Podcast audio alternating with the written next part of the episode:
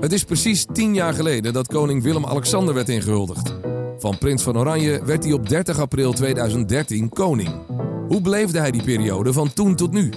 In 10 afleveringen blikken we terug op 10 jaar koningschap vanuit zijn werkkamer in Paleis Huis ten Bosch. Ik ben Edwin Evers en je luistert naar de podcast Door de ogen van de koning.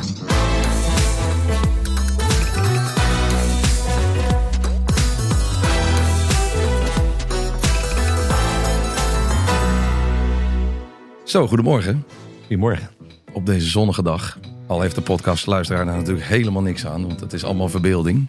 Nou, ik denk uiteindelijk dat een zonnige dag het humeur goed beïnvloedt, waardoor eh, de podcastluisteraar er ook weer voordeel van heeft. Dus u heeft er zin in. Absoluut. Nou, eh, we naderen het einde al. We zitten al bij 2021. In 2021 treedt kabinet Rutte 3 af vanwege de toeslagenaffaire. Peter R. de Vries wordt neergeschoten. En er zijn grote overstromingen in Limburg, België en Duitsland. In de Verenigde Staten wordt het kapitool bestormd. Maar er waren ook hoogtepunten. Max Verstappen werd de eerste Nederlandse wereldkampioen in de Formule 1. En koningin Maxima blies 50 kaarsjes uit. Daarnaast werd kroonprinses Amalia 18 jaar en werd ze binnengeleid in de Raad van State. Claudia de Brij schreef erom een boek over de prinses. Om Nederland beter kennis met haar te laten maken. Wat een jaar. Ja, heel divers palet. Welke pikt u er zo uit? De 20ste verjaardag van mijn vrouw. De 18e verjaardag van mijn dochter. Ja, en Max Verstappen, die ene ronde in Ja, Abu Dhabi. Waar zat u te kijken? Hier thuis? Ja, ik zat thuis te kijken en eh, ik was de hele dag al eh, nerveus. En ik had de kinderen de hele dag ook zover gekregen dat ze moesten gaan kijken. Nou, tijdens de race zag het er niet naar uit dat eh, Max zou gaan winnen. Nee. En toen dacht ik bij mezelf, ja, een beetje goed ouderschap. Ik ga niet weg nu van de televisie, want ik ben de hele dag ermee bezig geweest. Ik heb de hele familie eh, opgezweept om hier aanwezig te zijn. Ja, je had de En- neiging om wat anders te gaan doen eigenlijk. het niet goed gaat, Ja. moet je ook blijven zitten. Ja, Dat kan je, je kan het niet maken naar je kinderen toe om nu op te staan en met een slecht humeur weg te lopen. papa gaat even wat anders doen. Precies, daar, daar, daar was ik toe in staat. nou, gelukkig heb ik dat niet gedaan. Nee. Nee. Ja, ook afschuwelijke dingen. Peter R. de Vries. Verschrikkelijk. Ja. U was in Duitsland hè, op dat moment. En Duitsland tijdens staatsbezoek. Ja. We zaten in een concert, eh, zogenaamde contraprestatie. En daarnaast dan een receptie voor de president eh, en zijn partner. En met een heleboel mensen die bij het staatsbezoek betrokken zijn. En tijdens die receptie werd het ons verteld. Het drama van Peter R. de Vries in Amsterdam. Dan staat alles even stil, je hart en de tijd en alles. En dan, dan ten eerste natuurlijk eh, voor, voor vrienden, familie, eh, verschrikkelijk. Maar ook voor Nederland, voor de rechtsstaat, voor alles gewoon waar wij voor staan. Wordt daar in een moment onderuit gehaald. Kende u hem persoonlijk eigenlijk? Ik ken hem niet persoonlijk, maar ik heb natuurlijk wel gevolgd de, waar hij mee bezig was op televisie. En eh, ik weet ook wat hij voor bepaalde families betekend heeft. Dat hij recht heeft weten te halen waar de, de staat daar niet toe in staat was. Is wel iemand waarvan je dan denkt dat je hem persoonlijk kent, omdat hij zo uitgesproken en zoveel natuurlijk ook eh, op televisie was en in de media aanwezig was. Hè?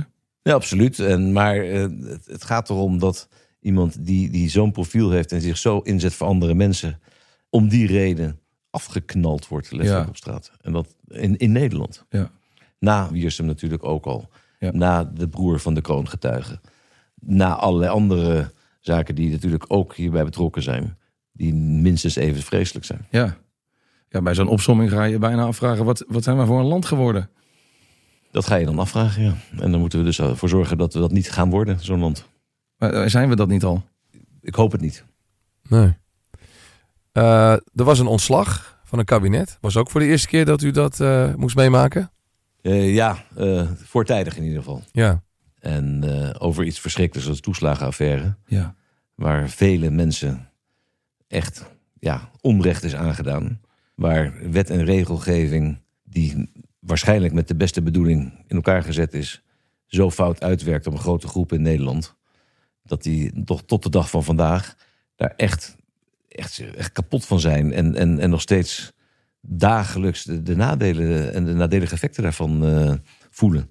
Ik spreek ze ook regelmatig, een bepaalde groep. En ik, zit er ook dan op een gegeven moment, ja, ik kan ook niet meer doen dan maar proberen te begrijpen wat jullie problemen te zijn. En af en toe terug te koppelen aan de staatssecretaris voor toeslagen of aan de minister-president of aan anderen. Ja, mijn rol kan ik helaas niet veel meer doen dan dat. Hetzelfde geldt natuurlijk ook voor uh, de slachtoffers van de aardbevingen in Groningen, waar ik ook elk jaar een groep van ontmoet. Ook daar uh, is het ontzettend traag, helaas, de, voor alle herstel en, en, ja, en ook erkenning van het leed en alles. Dus uh, ja. Want is dat eigenlijk wat u, wat u hoort als u daar naartoe gaat? Dat, dat, dat, dat dingen te traag gaan of dat ja, en, en sommige mensen worden wel geholpen. Het kan natuurlijk niet allemaal tegelijkertijd. Uh, dat begrijp ik ook wel. En uh, het moet, alles moet altijd goed uitgezocht worden. Dat begrijp ik ook wel. Want ook dat is weer gemeenschapsgeld wat verantwoord uitgegeven moet worden. Maar je moet mensen toch perspectief en hoop geven. En, en ja. dat zien deze mensen absoluut niet. En, en ja, ik probeer daar af en toe een, steentje, een klein steentje aan bij te dragen. Ja. U zei in, bij de inhuldiging in een goed werkende democratie heeft de burger vertrouwen in de overheid en de overheid vertrouwen in de burger. En dat laatste is hier wel een beetje misgegaan, hè? Dat laatste is misgegaan. Maar ook in een goed werkende democratie wordt dat opgelost. En uiteindelijk zorgen we met elkaar ervoor dat het opgelost wordt. Maar het mag best wel even wat sneller gaan. Ja, en dan was er natuurlijk uh, de, de binnengeleiding, zoals dat uh, zo mooi heet, van de prinses van Oranje bij de Raad van State. Ja, de dag na haar 18e verjaardag. En een heel ja, bijzonder moment als vader. Maar ook als de koning die zijn opvolger introduceert aan de Raad van State, waar zij ooit ook voorzitter van zal zijn. Uh, heel belangrijk element in ons staatsbestel. Het is natuurlijk een ceremoniële functie. De vicepresident is de uitvoerende voorzitter en de verantwoordelijke daarvoor.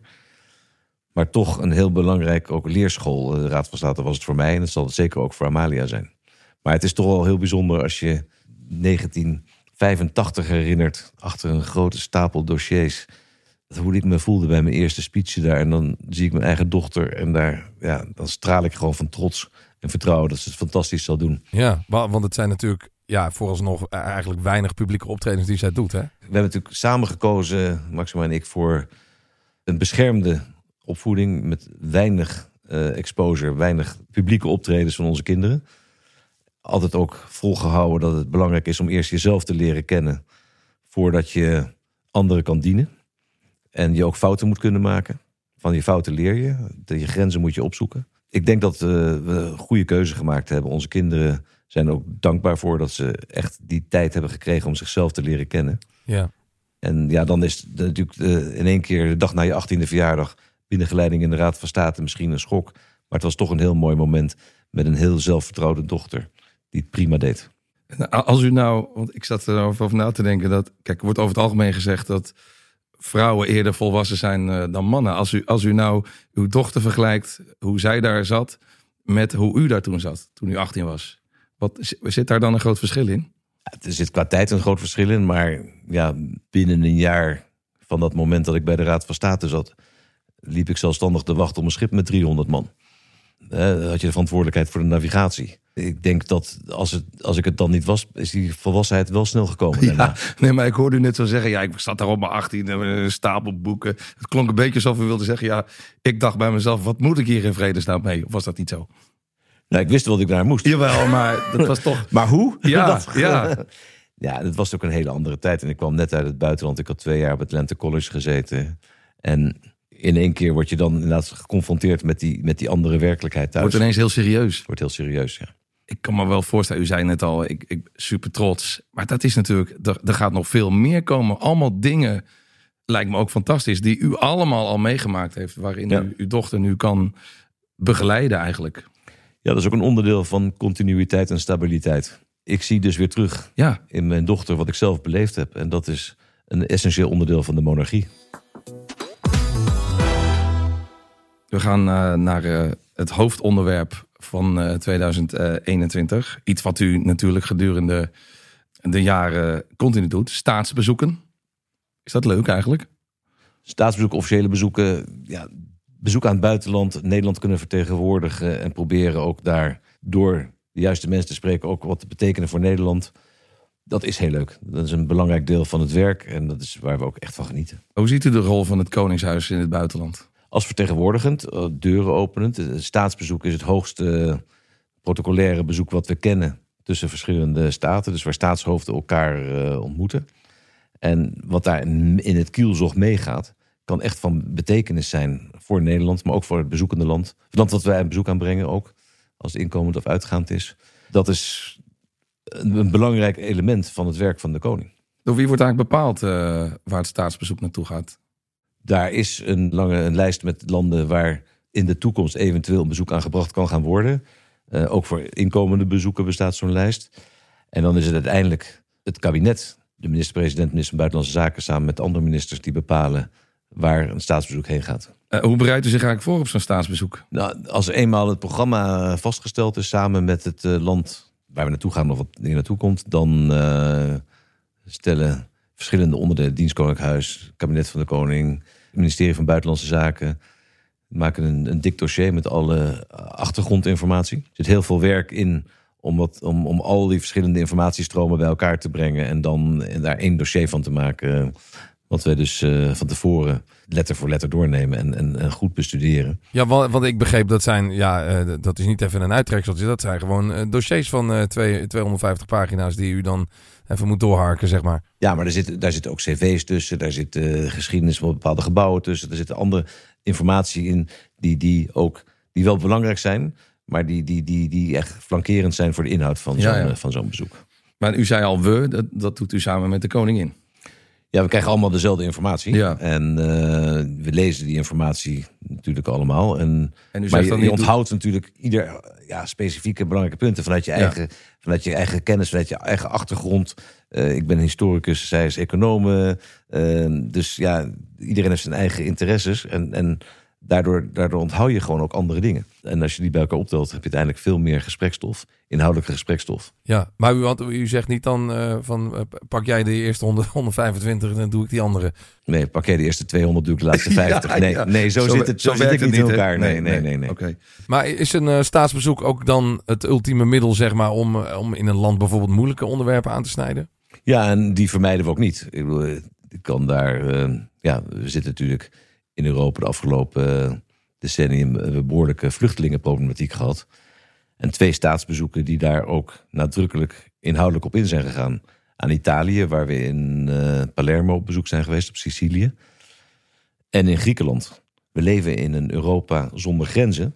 En dat heeft heel veel voordelen. Maar daarbij moeten we ook ons realiseren dat onze grens, onze zuidgrens, ligt op Sicilië en onze zuidoostgrens ligt in Griekenland.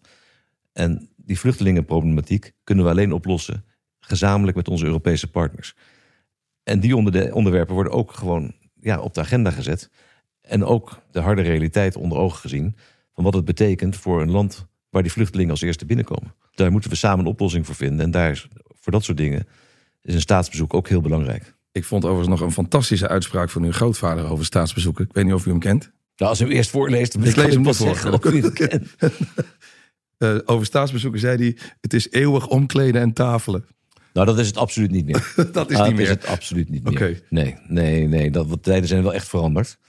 Maar wat zijn de vaste elementen van een staatsbezoek? Wat zit er altijd in? Nou, het is natuurlijk uh, het staatsbanket, het proberen verschillende machten, dus de, de parlementsvoorzitter, de, iets met het openbaar bestuur, de rechterlijke macht, alle elementen van de staat te bezoeken, op een of andere manier aandacht te geven.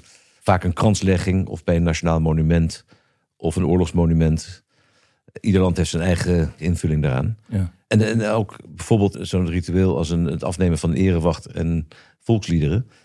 Dat is eigenlijk een heel mooi symbool. Want daarmee geeft het bezoekende land aan: u bent hier welkom. Mijn krijgsmacht staat tot uw beschikking.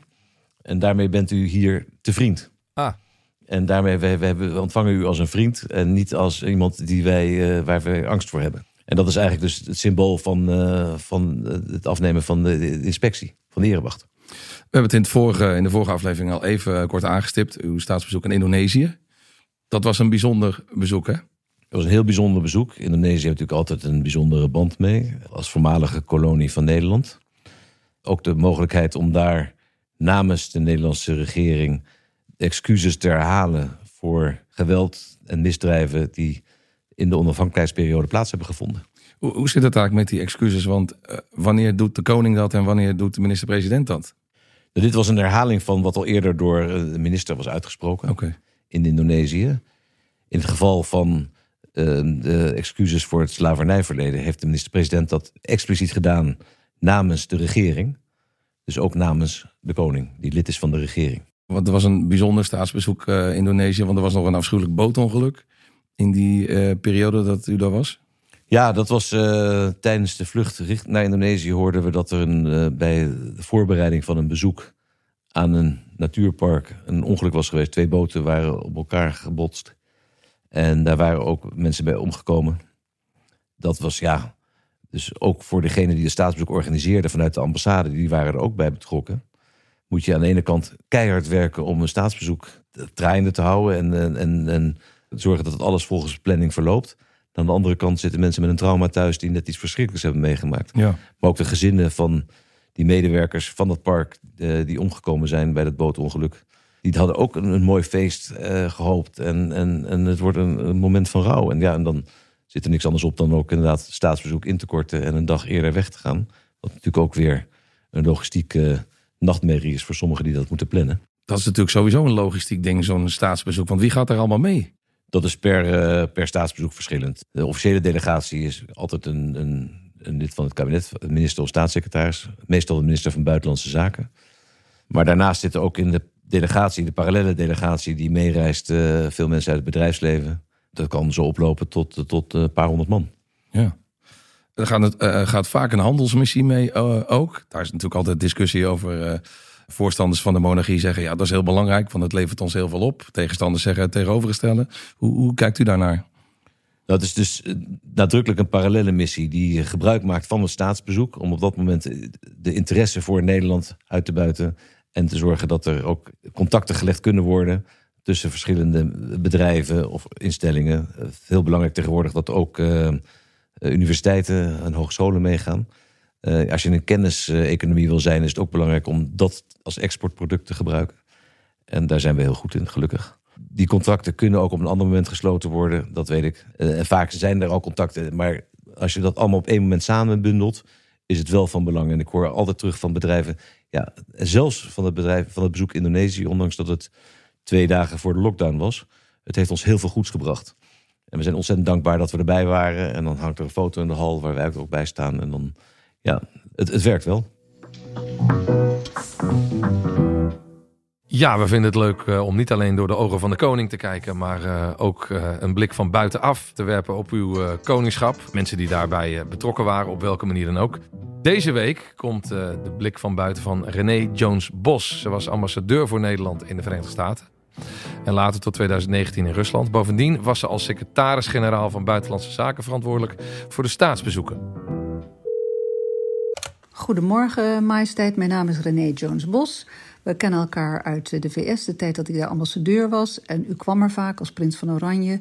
Herinner me nog levendig New York 400. Maar ook uh, in het kader van de adviesgroep Water van de VN was u, was u daar vaak. Ik had de grote eer om hierouw te zijn bij uw inhuldiging. En daarna werd ik secretaris-generaal bij Buitenlandse Zaken. Onder andere verantwoordelijk, mede verantwoordelijk voor de planning van staatsbezoeken.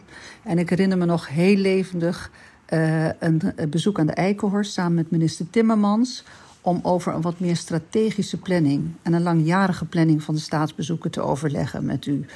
Uh, daar is onder andere ook het idee ontwikkeld van een serie bezoeken aan de deelstaten van Duitsland, culminerend in een staatsbezoek aan Berlijn. En ik ben heel benieuwd, terugkijkend, uh, hoe u nu zelf uh, kijkt naar die staatsbezoeken. Is het uitgepakt zoals destijds beoogd en besproken? Over het algemeen zeker. Waar we mee begonnen zijn in 2013 is officiële bezoeken aan alle bondstaten van Duitsland. Alle 16 staten hebben we bezocht. Dat had nog nooit iemand anders gedaan. En ja, Duitsland is natuurlijk onze belangrijkste handelspartner. Sterker nog, Noord-Rijn-Westfalen is onze allerbelangrijkste handelspartner. Een van de 16 bondslanden.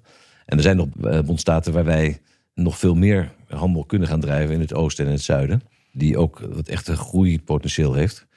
En het feit dat je alle bondstaten bezocht hebt en daarna een staatsbezoek brengt aan Berlijn, dus aan de hoofdstad.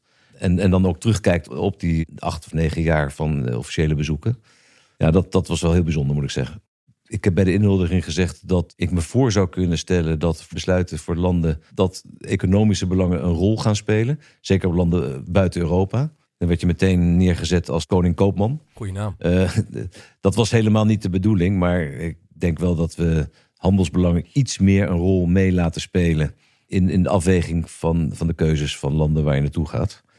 En dat is ook heel leuk om dat samen met de koningin te doen.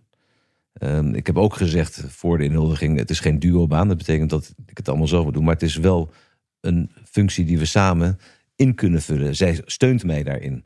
En het leuke is als je een, gesprek ergens hebt en je hebt allebei hetzelfde dossier gelezen, haal je toch allebei andere punten uit die van belang zijn. Dus kan je veel effectiever met z'n tweeën optreden dan, dan alleen. En dat is, dat is wel iets wat we echt uh, samen geleerd hebben. En dat, dat werkt ook heel goed. Ja, maar het is ook leuker met z'n tweeën, toch? Het is ontzettend leuk, ja. Ja. Vorig jaar moest ik vanwege een longontsteking uh, een reis naar de VS uh, missen. En wat Maxima zei bij terugkomen, ik miste mijn maatje. En dat, dat gevoel hebben we wel samen. Dat we echt maatjes zijn en samenwerken. En elkaar versterken op zo'n bezoek. Is er veel veranderd in, uh, in de manier waarop we dat doen, de staatsbezoeken, de afgelopen jaren? Ten opzichte bijvoorbeeld van hoe uw moeder dat deed? Vroeger was het heel strak drie dagen. En dan was het met, met veel protocol op de eerste dag. En dan um, bezoeken in het land de tweede en de derde dag. De staatsbezoeken zijn soms korter geworden, omdat gewoon agenda's niet meer op elkaar aan te passen zijn. Het leven is ook sneller geworden.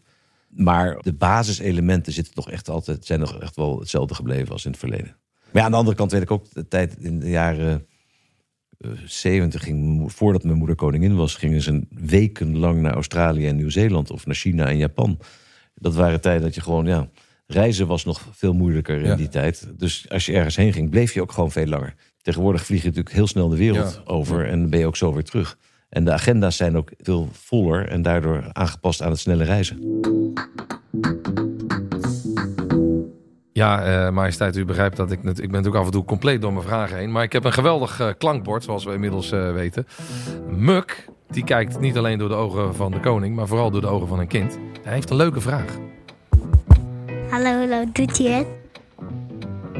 Hoi koning, ik hoorde dat u als koning ambassadeurs uit alle landen mag ontvangen. Als u zelf ambassadeur zou zijn, naar welk land zou je dan liefst worden uitgezonden? Naar Nederland. Ja, nou, dat is wel, wel echt een inkoppertje. Ja, je moet niet altijd moeilijk te doen. Nee, dat is waar. Maar ik geloof dat Muk wel een uh, bijzonder beeld heeft van ambassadeurs. Als ik... Nee, maar het, het, het, inderdaad, het beeld van ambassadeurs die op bezoek komen, die hun geloofsbrieven bij mij aanbieden, dat, dat, dat is iets wat in de openbaarheid gebeurt. Maar ambassadeurs zitten hier meerdere jaren. En als het enige is wat ze zouden doen op, bij het paleis op bezoek gaan, dan zou het niet echt de moeite waard zijn om ambassadeurs te sturen. Het, nadeel van het diplomatieke vak is dat het vaak niet in de openbaarheid afspeelt. Dat het gewoon stille diplomatie is, gesprekken, mensen kennen en echt je werk achter de schermen doen. Waardoor relaties goed blijven of beter worden.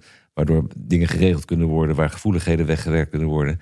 Ja, dus het, het werk van de ambassadeur is eigenlijk achter de schermen het, het goede werk van de diplomaat. Waardoor het beeld naar buiten staat alleen maar recepties en partijen. Maar we hebben ze heel, heel hard nodig om in een wereld waar verslechterende uh, relaties uh, helaas aan de orde van de dag zijn, om toch te proberen gesprekken gaande te houden, de kanalen open te houden. Dus het werk van ambassadeurs en andere diplomaten is extreem belangrijk. En daarom vind ik ook erg leuk dat René Jones uh, even sprak en mij de vraag stelde. Zij was natuurlijk een van onze topdiplomaten, maar ook een van onze topambtenaren. En daarom heb ik haar gevraagd als heraut bij de inhuldiging. Omdat wij in Nederland veel te weinig respect hebben voor het ambtelijk apparaat. We hebben ambtenaren die loyaal zijn, die niet politiek zijn, die op de inhoud gaan en daar de ministers in steunen. Daarom vond ik het ook heel belangrijk om als vertegenwoordiger van een van de, van de ambtenarij, René Jones, te vragen bij de inhuldiging als heraut. Andere landen vervangen hun ambtelijk apparaat of de top van het ambtelijk apparaat bij na verkiezingen. Die, worden, die zijn politiek gekleurd. We hebben een loyaal ambtelijk apparaat die met elke minister samenwerkt en hem of haar de beste adviezen uit inhoud kan geven. En dan kan de, de bewindspersoon daar een politiek sausje over gooien. En dat is iets waar we trots op moeten zijn en wat we moeten koesteren. Volgens mij uh, zijn we redelijk door 2021 heen. Mag ik u volgende week begroeten voor 2022? Lijkt mij een strak plan. Een strak plan.